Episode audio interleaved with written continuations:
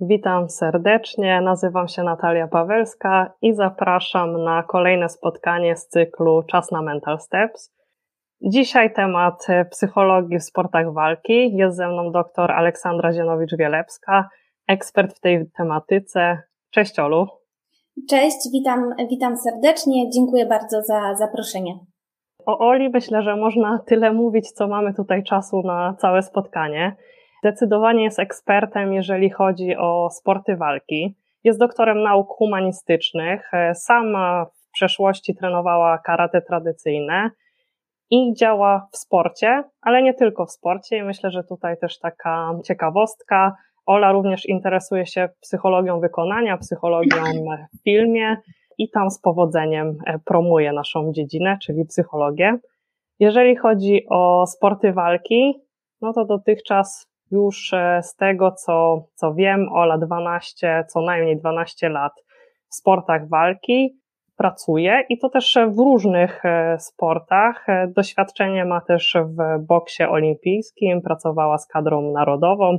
Teraz też pracuje z MMA, zawodnikami, z judo, karate, boksem i tym olimpijskim, i tym zawodowym. Także duże doświadczenie, szerokie spektrum, mhm. jeżeli chodzi o, o sporty walki. I wiem, że to może być dzisiaj wyzwanie, dlatego że sporty walki, no to taki jeden wielki worek z wieloma dyscyplinami, ale mam nadzieję, że Ola tutaj sobie nieźle poradzi i, i poopowiada nam, jak pracuje. Także Ola, będę liczyła na Twoje eksperckie doświadczenie, że zdradzisz trochę swojego zawodu, swojej, swojej pracy. Cieszę się szalenie na to dzisiejsze nasze spotkanie i co może zacznę od pierwszego pytania. Mhm. Jeżeli chodzi o, może ono też nie być łatwe tak naprawdę, bo, e, bo znowu mówię o takim dużym worku, ale jeżeli miałabyś wybrać ważne, takie kluczowe umiejętności mentalne, które są potrzebne zawodnikom, którzy trenują sporty walki, jakie to by były umiejętności? Mhm. E, dzięki za to pytanie. Ono faktycznie nie jest, nie jest łatwe, jest wręcz wyzwaniowe, bo z jednej strony można mówić o takim pakiecie ogólnych umiejętności, które warto, żeby nam byli mm, zawodnicy, którzy reprezentują wszystkie sporty, sporty walki. I zacznę może nie o umiejętnościach, ale o, o tym, o czym mówi Richard Keegan, że to, co jest bardzo istotne, to to, żeby poznać e, historię zawodnika, zrozumieć jego potrzeby, podążać e, za, za nimi i uwzględniać kontekst danej osoby, z którą się pracuje. Mówię o tym na wstępie dlatego, bo mam takie poczucie, że przedstawiciele różnych sportów walki mają silne osobowości i potrzeba też w tej relacji tego, aby było miejsce na tą osobowość ja szalenie naprawdę jestem zawsze ciekawa historii, jaka idzie za danym fighterem, tudzież fighterką, więc dużo czasu poświęcam na to, żeby zrozumieć skąd dany zawodnik, zawodniczka jest, pochodzi, co, co mm, dane jednostki przeżyły na swojej drodze. Ale teraz od tego przejdźmy do umiejętności. E, gdybym miała powiedzieć na przykład trzy naj, najważniejsze, czy na czym ja się w największej mierze skupiam, to z pewnością byłaby to regulacja emocji. Co jest e, ciekawe, badania wykazują, że w sportach walki stosunkowo więcej, intensywniej występuje lęk w porównaniu do zawodników, którzy trenują po prostu inne, inne sporty. Ten lęk, oprócz tego, że jest związany z rywalizacją, jest podszyty tym, że obecna jest publiczność i teraz w zależności od sportu mniejsza albo większa. Jeżeli mówimy o MMA, no to czasem to jest po prostu ogromna liczebność publiczności. E, lęk e, może być e, wywołany tym, że rywalizuje się z silniejszym przeciwnikiem, że skupia się zawodnik na tym, jakie atuty, jakie asy ma przeciwnik, z którym przyjdzie nam walczyć i gdzieś to sprawia, że zaciera się myślenie o tym, co jest we mnie dobre, dzięki czemu ja wygrywałam, wygrywałam swoje walki do tej pory. To jest też obawa przed porażką, ale to też jest bardzo wysoka presja, na przykład związana z tym, że jeżeli to nie są sporty turniejowe, a jest to boks zawodowy czy MMA, no to zawodnik czasem ma jedną, e, dwie, góra trzy szanse w, w roku. To jest też obawa związana z własnymi ograniczeniami i nadmierna, być może czasem nadmierne skupienie na tym i obawa przed kontuzją, która może wykluczyć zawodnika już w ogóle z kariery i to może się wiązać z tym, że jeżeli nie sport, jeżeli nie sport zawodowy, to co dalej? Więc na pewno regulacja emocji, rozumienie tego, co się czuje, jak intensywnie się e, to czuje, jaki poziom zawodnikowi e, służy. Myślę, że to to. E, może to nie jest takie oczywiste, ale myślę, że bardzo ważne, że ważne jest to, żeby zawodnik umiał zarządzać sobą w czasie. Żeby móc zarządzać sobą dobrze w walce, warto jest zarządzać sobą w życiu, godzić różne sfery, e, sportową, osobistą czy sportową, zawodową, jeżeli ktoś nie żyje stricte ze mm, sportu, sportową, szkolną, edukacyjną i tak dalej więc ta szeroko pojęta dyscyplina, posiadanie planu, utrzymanie się go bardzo może dobrze później wpływać na to, co się dzieje w ringu, na macie czy, czy w oktagonie. I trzecia rzecz, która przychodzi mi na myśl, to ciągłe poszerzanie samoświadomości i rozumienie siebie w takich trzech kanałach emocji, i znowu, co czuję, z czego to wynika, jak intensywnie to czuję, z poziomu myśli, z, z szeroko pojętej sfery poznawczej i z poziomu ciała, bo ta wiedza daje mm, często zawodnikowi informacje, kiedy powinien przysłowiowo przycisnąć, a kiedy powinien odpuścić i to jest rozsądne i, do, i dobre dla niego i, i, i jest to pewnego rodzaju też profilaktyka. Mhm, bardzo ciekawie mówisz, aż nie chciałam się tutaj wtrącać i przerywać, natomiast tak się zastanawiam, jakbyś mogła podać jakiś taki przykład, bo podać tu trzy konkretne takie aspekty, jak regulacja emocji, zarządzanie sobą w czasie i praca nad samoświadomością. Myślę, że bardzo istotne. Oczywiście zawsze możemy powiedzieć, że w różnych e, innych dyscyplinach mhm. sportu też jest to ważne, Natomiast fajnie, że dzielisz się ze swojego doświadczenia, właśnie z tego, co widzisz, gdzie w tych sportach walki. Te umiejętności są e, może kluczowe i warto je doskonalić, ale jakbyś mogła podać przykład, jak pracujesz nad chociażby jedną z tych umiejętności, oczywiście jakiś taki malutki wycinek, e, tak żeby osoby, które tutaj są, mogły się zorientować, oprócz tego, na czym to polega i czego dotyczy, to jak taka praca z osobą, która jest w świecie sportu, walki może nad tym działać. Mhm. No dobrze, to zacznę może od zarządzania sobą w czasie. To myślę, że to, co jest może i bardzo proste, wręcz oczywiste, to to, że to, w czym staram się wspierać zawodników, żeby sobie tworzyli plany, co chcą zrobić w danym tygodniu, chociażby, i ustalali priorytety, co jest dla nich istotne danego dnia i żeby się tego trzymali, żeby to faktycznie zrealizować i nie odpuszczać.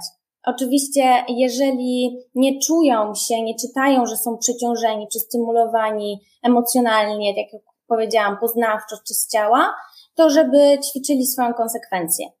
Żeby potrafili mm, plan zadany zrealizować, bo to daje bardzo duże też poczucie e, sprawczości i taki trening, e, można powiedzieć, ogólnego funkcjonowania i takie monitorowanie swojej skuteczności codziennej daje potem takie poczucie, ok, zrobiłem x jednostek treningowych, byłem punktualnie, punk e, byłam, byłem punktualnie na treningu, nie odpuściłem żadnego ćwiczenia, zaplanowałam wcześniej, jeżeli to są młodsi zawodnicy, co jest realne, żeby na przykład zrobić w czasie szkoły. Myślę, że tutaj ta realność w zakresie edukacji też jest bardzo ważna. Kiedy można coś znowu przycisnąć, a kiedy lepiej odpuścić, żeby nie planować czegoś, co jest nierealne do zrealizowania, żeby nie mieć takiego poczucia też um, przytłoczenia. Jakiś czas temu miałam takie spotkanie z grupą e, zawodników, którzy są właśnie ze społeczności sportu walki i oni mieli jeden konkretny mm, wniosek, że jeżeli mam poukładane życie osobiste i jest tam rytm i nim zarządzam, mam poczucie bezpieczeństwa, to bardzo się to przekłada na to, co się później dzieje mm, na sali treningowej. I tak jak obserwuję różne historie, które miałam, miałam okazję, mam okazję, za co dziękuję, poznawać, mm, to właśnie myślę, że to jest e, bardzo, bardzo dużo. To nie jest taki oczywisty trening mentalny, który zawodnik może wykonywać, ale e, przekłada się na pewno na skuteczność, komfort treningu, no i później na rywalizację. A jeżeli chodzi na przykład o emocje, to jest nauka zauważania tego, co czuję, w jakich okolicznościach czuję, nauka oceniania intensywności tych, e, tych odczuć i znowu nie tylko w sytuacji rywalizacji sportowej, ale dużo, dużo wcześniej. E, w procesie treningowym, przed treningiem, po treningu, w ogóle w, w życiu osobistym, jak się przydarzają jakieś ważne historie e, i nazywanie. Czasem po prostu nazywanie tego, co czuję i taka edukacja jakie informacje idą za daną emocją, żeby później, żeby później mieć większe poczucie świadomości, co ze sobą zabieram e, do, do rywalizacji, jak mogę tymi emocjami zarządzać. Super, bardzo wyczerpujące odpowiedzi, aż, aż tak tyle nie spodziewałam się. Myślę, że to też ogrom, ogrom wiedzy. To, co powiedziałaś, e, moim zdaniem jest bardzo ciekawe, bo mówiłaś o tym, że nie tylko przygotowanie na samą walkę i zastanawianie się, jak poukładać tą pracę już będąc, nie wiem, na macie czy, czy na ringu, ale mówiłaś dużo o tym życiu prywatnym, zarządzanie sobą w czasie, monitorowanie tego, i, I tutaj zadbanie o te kwestie może mieć duży wpływ na to, jak zawodnik będzie gotowy do, e, no, do tego turnieju, czy spotkania, czy sparingu, do tego, do czego się przygotowuje. Więc myślę, że to jest e, bardzo ciekawy wątek i chciałabym właśnie go pociągnąć, bo bardzo dużo w sportach walki mówi się właśnie o tym, że jest e, wyjście, jakieś konkretne e, założenie, konkretne wyzwanie, turniej e, czy walka. A co w momencie, gdy już jest po rywalizacji, gdy te światła zgasną? Mhm. I co, jak rozumieć tutaj też ten kontekst pracy mentalnej, kiedy ta praca mentalna się kończy, czy ona w ogóle się kończy? Jakbyś mogła powiedzieć o swoich doświadczeniach? Mhm. Znaczy, pierwsze co przychodzi mi na myśl, to chciałabym powiedzieć, że ta praca e, mentalna się nie kończy. I proszę mnie zrozumieć dobrze, nie chodzi mi o uzależnianie od siebie zawodników, e, z którymi współpracuję. Oczywiście tutaj etyczne jest dbanie o ich autonomię.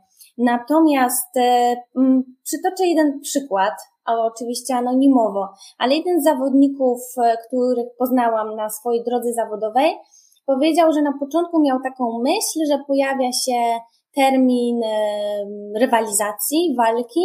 W związku z tym modna jest psychologia sportu, to zgłosi się i przygotuje się w tym, w tym zakresie, aby mieć odpowiednie, odpowiedni poziom pobudzenia, żeby być pewnym siebie, żeby świadomie mówić o swoich atutach, zasobach, Natomiast z biegiem czasu tej współpracy powiedział, że ojej, przecież przez tych kilka spotkań przed rywalizacją tak naprawdę można dotknąć temat, ale najważniejsze rzeczy, takie najgłęb, najgłębsze z zakresu psychologii, tego co gdzieś tam nas głęboko tkwi, e, można, można przepracować, przerobić, przyjrzeć się na spokojnie po faktycznym czasie rywalizacji.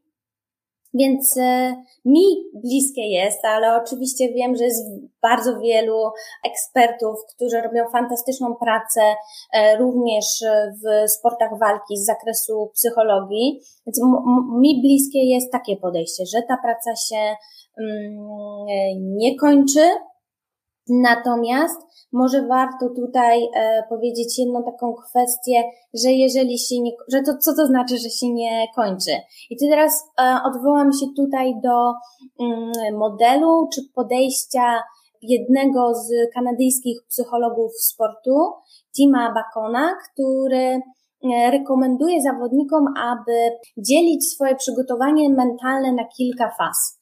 Najpierw, e, żeby był czas i przestrzeń na uczenie się ogólnych umiejętności e, psychologicznych, Później skupienie się na tym, co jest e, specyficzne dla danej dyscypliny, no bo inaczej będzie w judo, inaczej będzie w karate, inaczej będzie w boksie olimpijskim, zawodowym, inaczej będzie troszeczkę w amatorskim MMA, inaczej będzie w zawodowym MMA i tak dalej, i tak dalej. Później bardzo istotny jest też czas na to, żeby skupić się na indywidualnej jednostce, ich upodobaniach i predyspozycjach. Później jest ten cały czas E, znaczy ten czas potrzebny na przygotowanie i wzbudzenie gotowości przed rywalizacją, no właśnie, przed rywalizacją, w rywalizacji i później to nie oznacza, że po rywalizacji, jak zgasną światła, jak fajnie powiedziałaś, mm, ma nie być tej pracy mentalnej. Wtedy też jest czas na odreagowanie stresu, na regenerację, na to, żeby układ nerwowy odpoczął, wyciszył się. I znowu, to nie chodzi o to, żeby to jest takie charakterystyczne, nie trzymać w tym czasie michy. No, warto też tutaj dbać o regulację wagi i być w kontakcie z aktywnością fizyczną. Czyli mm, wydaje mi się, tak jak obserwuję, kto sobie radzi lepiej, to lepiej radzą sobie ci zawodnicy, którzy nie mają takiego e, systemu zaangażowania w sport zapałowego, że jest rywalizacja, ja robię zryw, po prostu zmieniam mój styl funkcjonowania, i jadę na maj, czy, czy, czy przygotowuję się do imprezy głównej, że lepiej radzą sobie, w sensie to jest zdrowsze dla nich z poziomu fizycznego, emocjonalnego, poznawczego, kiedy właśnie są w kontakcie nie ze sportem, ale chociażby z aktywnością fizyczną i że to też według badań jest dobra profilaktyka dla wypalenia spo sportem. Mhm. Super, czyli taka bardziej myślenie o, o sporcie na co dzień w dłuższej perspektywie niż od wydarzenia do wydarzenia. Tak, ale zaznaczę, że oczywiście to jest bliskie e, mi i po prostu ja jestem zafascynowana tym przekazem Tima Bacona, który się już na początku 2000 roku zajmował periodyzacją treningu mentalnego. Okej, okay, super. Dziękuję bardzo. Mamy tutaj pytanie, które się pojawia. Mam nadzieję, że Ola zechcesz na nie odpowiedzieć. E, jakie techniki z Twojej perspektywy są najskuteczniejsze w regulacji emocji dla zawodników sportów walki? To może jakbyś mogła się podzielić czymś też znowu, jakąś jedną, e, dwoma metodami, które, które Ty znasz, stosujesz. Mhm. No dobrze, to tak. Na pewno e, z takiego kanonu psychoedukacji, bo myślę sobie, że badania mówią jedno, że tego lęku jest dużo, ale rzeczywistość jest e, jakby odmienna, że nie ma tak dużo świadomości emocji. Poza tym bardzo często panuje taki stereotyp, że sportowcy, sportowcy sportów walk, oni przecież są tacy silni, groźni, oni nie potrzebują e, pracować psychologicznie, więc edukacja w zakresie mm, emocji i mówienie, co za daną emocją, jaka za daną emocją idzie informacja. Myślę, że to jest bardzo ważne. Myślę, że e, istotne są też takie rzeczy nie wprost o emocjach, ale pomagają w regulacji emocji. To jest na pewno rekomendowanie zawodnikom po treningu technik, które wspomagają ich regenerację powysiłkową. To może być nawet po położenie się na sali, na macie, przykrycie kocem, zamknięcie oczu, posłuchanie bądź nie muzyki, która e, danemu zawodnikowi służy przez 10 minut żeby się wyciszyć z tego nadmiernego napięcia, które na przykład towarzyszyło zawodnikom e, podczas e, sparingów. Myślę, że taką dobrą e, techniką czy, czy podejściem, które też pomaga, może nie wprost, ale, ale regulować emocje, to jest takie hasło, które uwielbiam, flip, flipping the switch.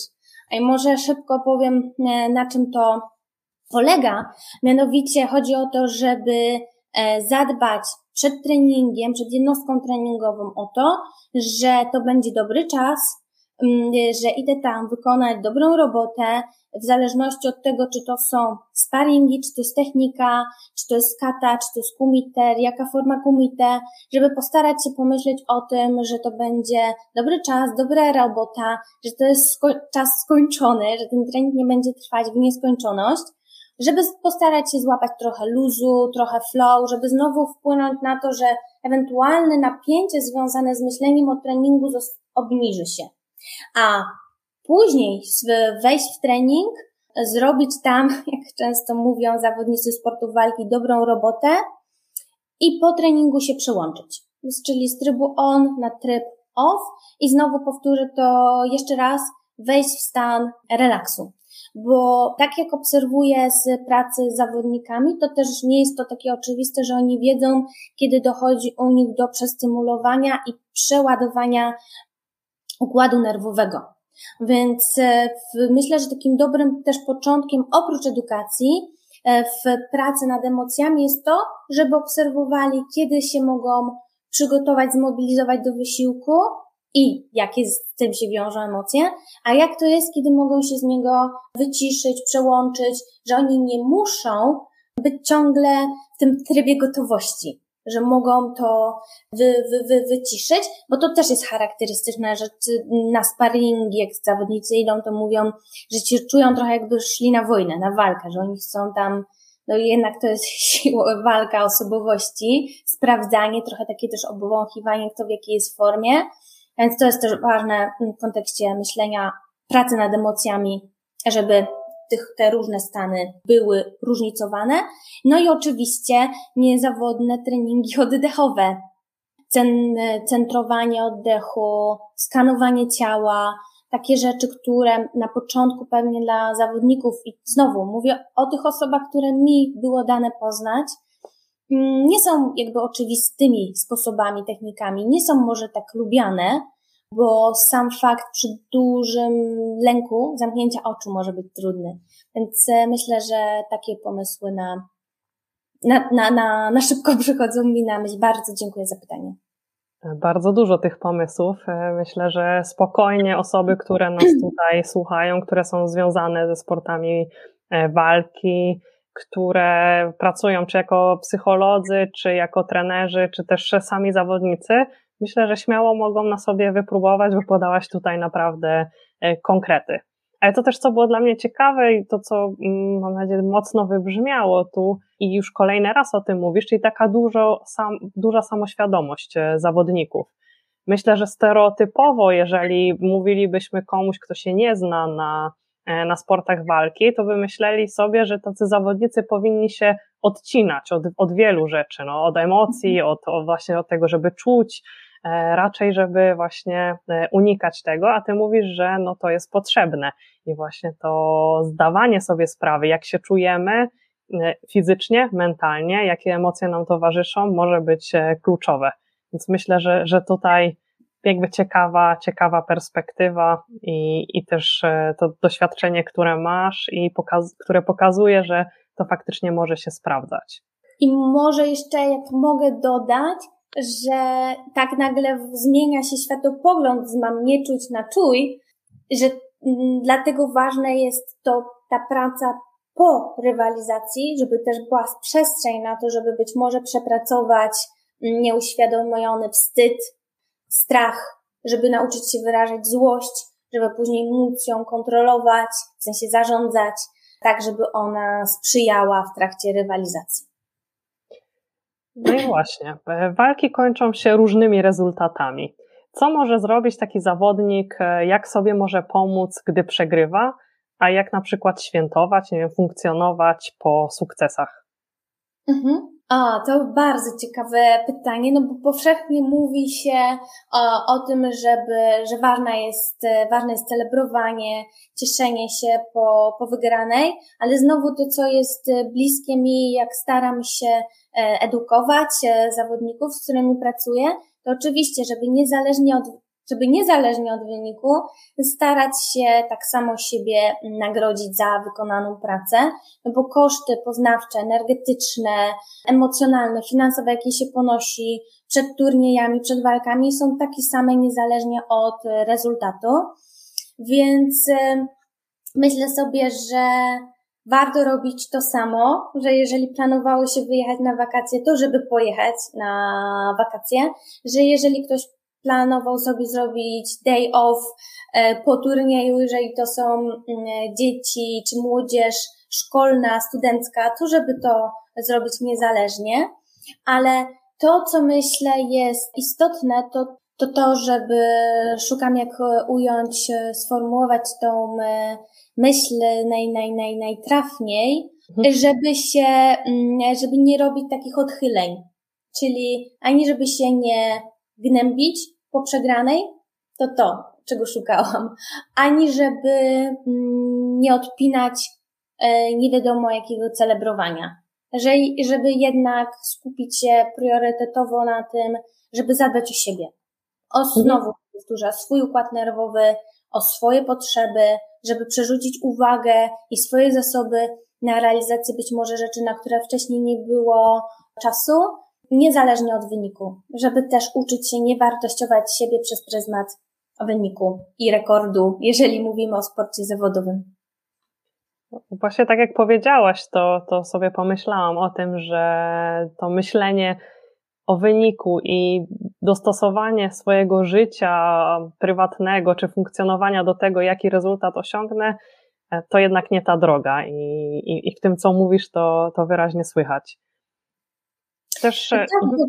też takie podejście podsyca presję i, i, i zwiększa, zwiększa oczekiwania, a to dodatkowo waży. I myślę, że sam fakt rywalizacji bezpośredniej już jest e, wystarczającym wyzwaniem i, i, i nie warto sobie dodawać.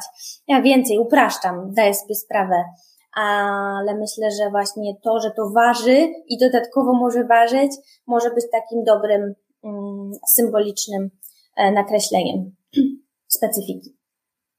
E, to ja jeszcze nawiążę do tego, o czym już wspominałaś, czyli o trzymaniu czy też zbijaniu wagi, która w sportach walki często jest powszechna. Chciałabym poznać tą Twoją perspektywę, jakbyś mogła podpowiedzieć zawodnikom, co można zrobić, jeśli chodzi o tę sferę mentalną, jak zadbać właśnie w, w tym kontekście zbijania, trzymania wagi.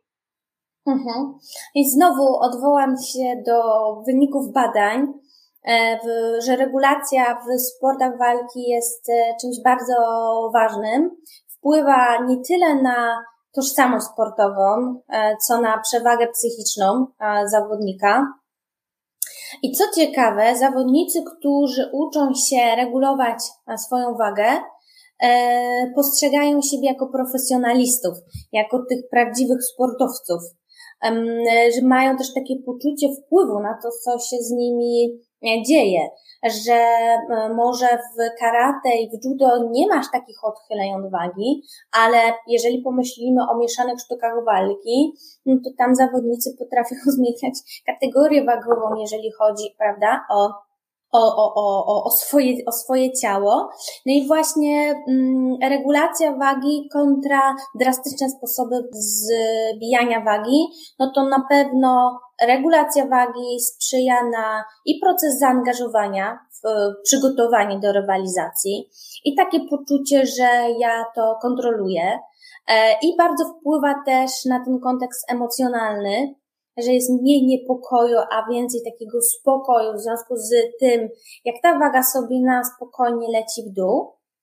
I że bardzo um, istotne jest e, też to, i to też, e, bo jakiś czas temu sobie to odkopałam e, na swoje potrzeby, że badania podkreślają, że to jest bardzo istotny aspekt w ogóle przygotowania do rywalizacji. Często z tym się wiąże dużo nieprzyjemnych odczuć. Jeżeli mamy i tak z założenia w sportach walki dużo niepokoju, dużo lęku, to po co sobie go dodawać. Ja często proponuję zawodnikom to, żeby oni, wiadomo, dużo profesjonalistów współpracuje z dietetykami i, i bardzo, bardzo dobrze. Sama często zaglądam na stronę, którą poleciłaś dziękuję bardzo dziewczynom za, za taką fantastyczną pracę, ale często rekomenduję zawodnikom, żeby prowadzili dzienniczki treningowe i monitorowali e, swoją wagę, połączeniu z kontekstem emocjonalnym. I, I co mogę jeszcze do tego powiedzieć, a być może jest ważne, że ci zawodnicy, którzy potrafią regulować swoją wagę, zyskują przewagę psychiczną nad rywalem, bo bardzo często pojawia się coś takiego, on robi wagę, on będzie pewnie on nie będzie w formie, on będzie roztrzęsiony emocjonalnie, e, on w ogóle nie będzie mieć może takiego swojego czucia ciała, że to bardzo często się przewija, więc z mojego punktu widzenia, jak mówimy o psychologii, to regulacja wagi, nauka tego przy często wsparciu dietetyków mm, jest czymś, bar, jest czymś po prostu odpowiedzialnym i znowu czymś, co dba o szeroko pojęte zdrowie. W sensie przez takie zachowanie zawodnik może dbać o swoje zdrowie. E, uprzedziłaś też moje kolejne pytanie, bo chciałam się dowiedzieć, czy ty towarzyszysz zawodnikom właśnie w takim procesie zbijania wagi, ale to już powiedziałaś, że co sugerujesz, e, więc to trochę zostało uprzedzone, bo też zdaję sobie sprawę, że jako psycholog sportu no nie zawsze e, musimy się czuć w tym temacie kompetentni i, i czasem wiem, że są takie współprace, tak jak powiedziałaś, dietetyk czy psychodietetyk i wtedy oni trochę przyjmują e, jakby tą rolę poprowadzenia zawodnika w tym, w tym temacie.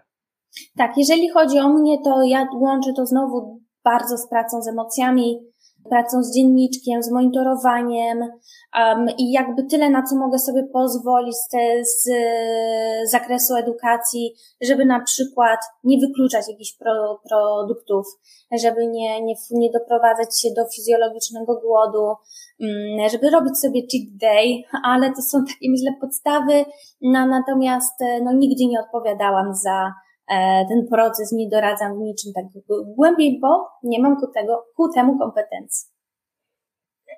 Jeszcze na podsumowanie. Ostatnie pytanie, mimo tego, że już czas nas e, goni, to tak załóżmy, że to jest pytanie na podsumowujące, ale trochę też zachęcające może zawodników, którzy nas e, słuchają.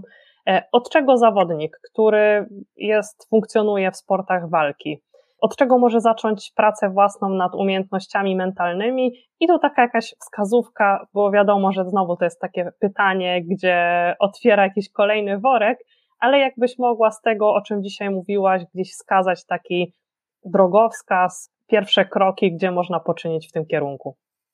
Mhm. To myślę sobie, że w pierwszej kolejności zaczęłabym od e, nauki oddechu przeponowego, żeby uczyć się trzymać uwagę na oddechu, jak oddycham, jaki ten oddech jest, bo jest to bardzo ważne. Potem można iść e, dalej w trening kierowania uwagą w połączeniu z komunikatami z zewnątrz, z pracą z oddechem i tak dalej, ale zaczęłabym od pracy z oddechem. Bardzo dużo zawodników, z którymi działam, szuka jakiejś inspiracji dostępnych e, od już na, na YouTubie. Mm, natomiast ja osobiście i rekomenduję, e, śledzę media społecznościowe Dari Albers, to jest e, psycholog e, sportu, która działa no, międzynarodowo z zawodnikami różnych e, sportów walki. I ona bardzo dużo wrzuca takiego wątku kontentu merytorycznego z takim prostym przekazem. Więc myślę, że to, to jest krótkie, to jest lekkie, to jest na pewno poparte nauką, Mm, a jest fajne w odbiorze. No i jest od osoby, która siedzi w tym od pewnie zawsze, bo jest też trenerką, jest e, trenerką od e, stójki. I od czego można by jeszcze zacząć, to myślę, że jeżeli mówimy o treningu mentalnym i o tym, żeby mm, zrozumieć, czym, czym to jest, to chyba bym też e, rekomendowała zawodnikom, żeby weszli na profil mm, jednego z zawodników, który prowadzi taką stronę walcz z głową i wprowadza bardzo tam dużo ćwiczeń z takiego zakątka e, psychomotorycznego gdzie są ćwiczenia na skupienie uwagi na e, piłkach, ćwiczenia na stabilizację, jakieś ćwiczenia na zmęczeniu, e, ćwiczenia z piłkami e, tenisowymi, coś na szybkość reakcji. Więc myślę, że takie rzeczy e, ciekawe pierwszego, pierwszego dostępu, co można też e, samemu wprowadzać już proces treningowy. Bardzo ważne, że nim się zacznie pracować z psychologiem sportu, jest po prostu mieć też takie poczucie, że to może być coś dobrego, że to może być coś pomocnego, że to może uzupełniać mój e, proces przygotowania do rywalizacji i, i, i może być stałą częścią tego funkcjonowania. I że to nie oznacza, że jestem słaby, jeżeli korzystam z Mm, ze współpracy, a dalej jakby funkcjonuje takie e, przekonanie. Na pewno to, co jest istotne i od czego warto też zacząć, to zwracanie uwagi po treningu, po każdym treningu, co na tym treningu było dobre. żeby kończyć trening z takim poczuciem dobrze wykonanej roboty i żeby też w tej mikroperspektywie się na to na, nagrodzić. I po później stan kończenia treningu wpływa na stan rozpoczynania e, treningu. Myślę, że w sportach walki, tak jak mam przed oczami teraz różnych zawodników, jest to bardzo, bardzo istotne. Jest to proste, ale żeby to robić systematycznie, to naprawdę pomaga też w tym flipping the switch. Mhm, to myślę, że to już jest e, więcej niż taka wskazówka i gdzie rozpocząć. To już jest naprawdę wiele informacji, jak można ten trening e, mentalny rozpocząć, kontynuować i, i w nim trwać. Także dziękuję bardzo, Ola, za wszelkie inspiracje, za to, że podzieliłaś się swoją wiedzą ekspercką. Do Dzięki usłyszenia. Wielkie. Do usłyszenia.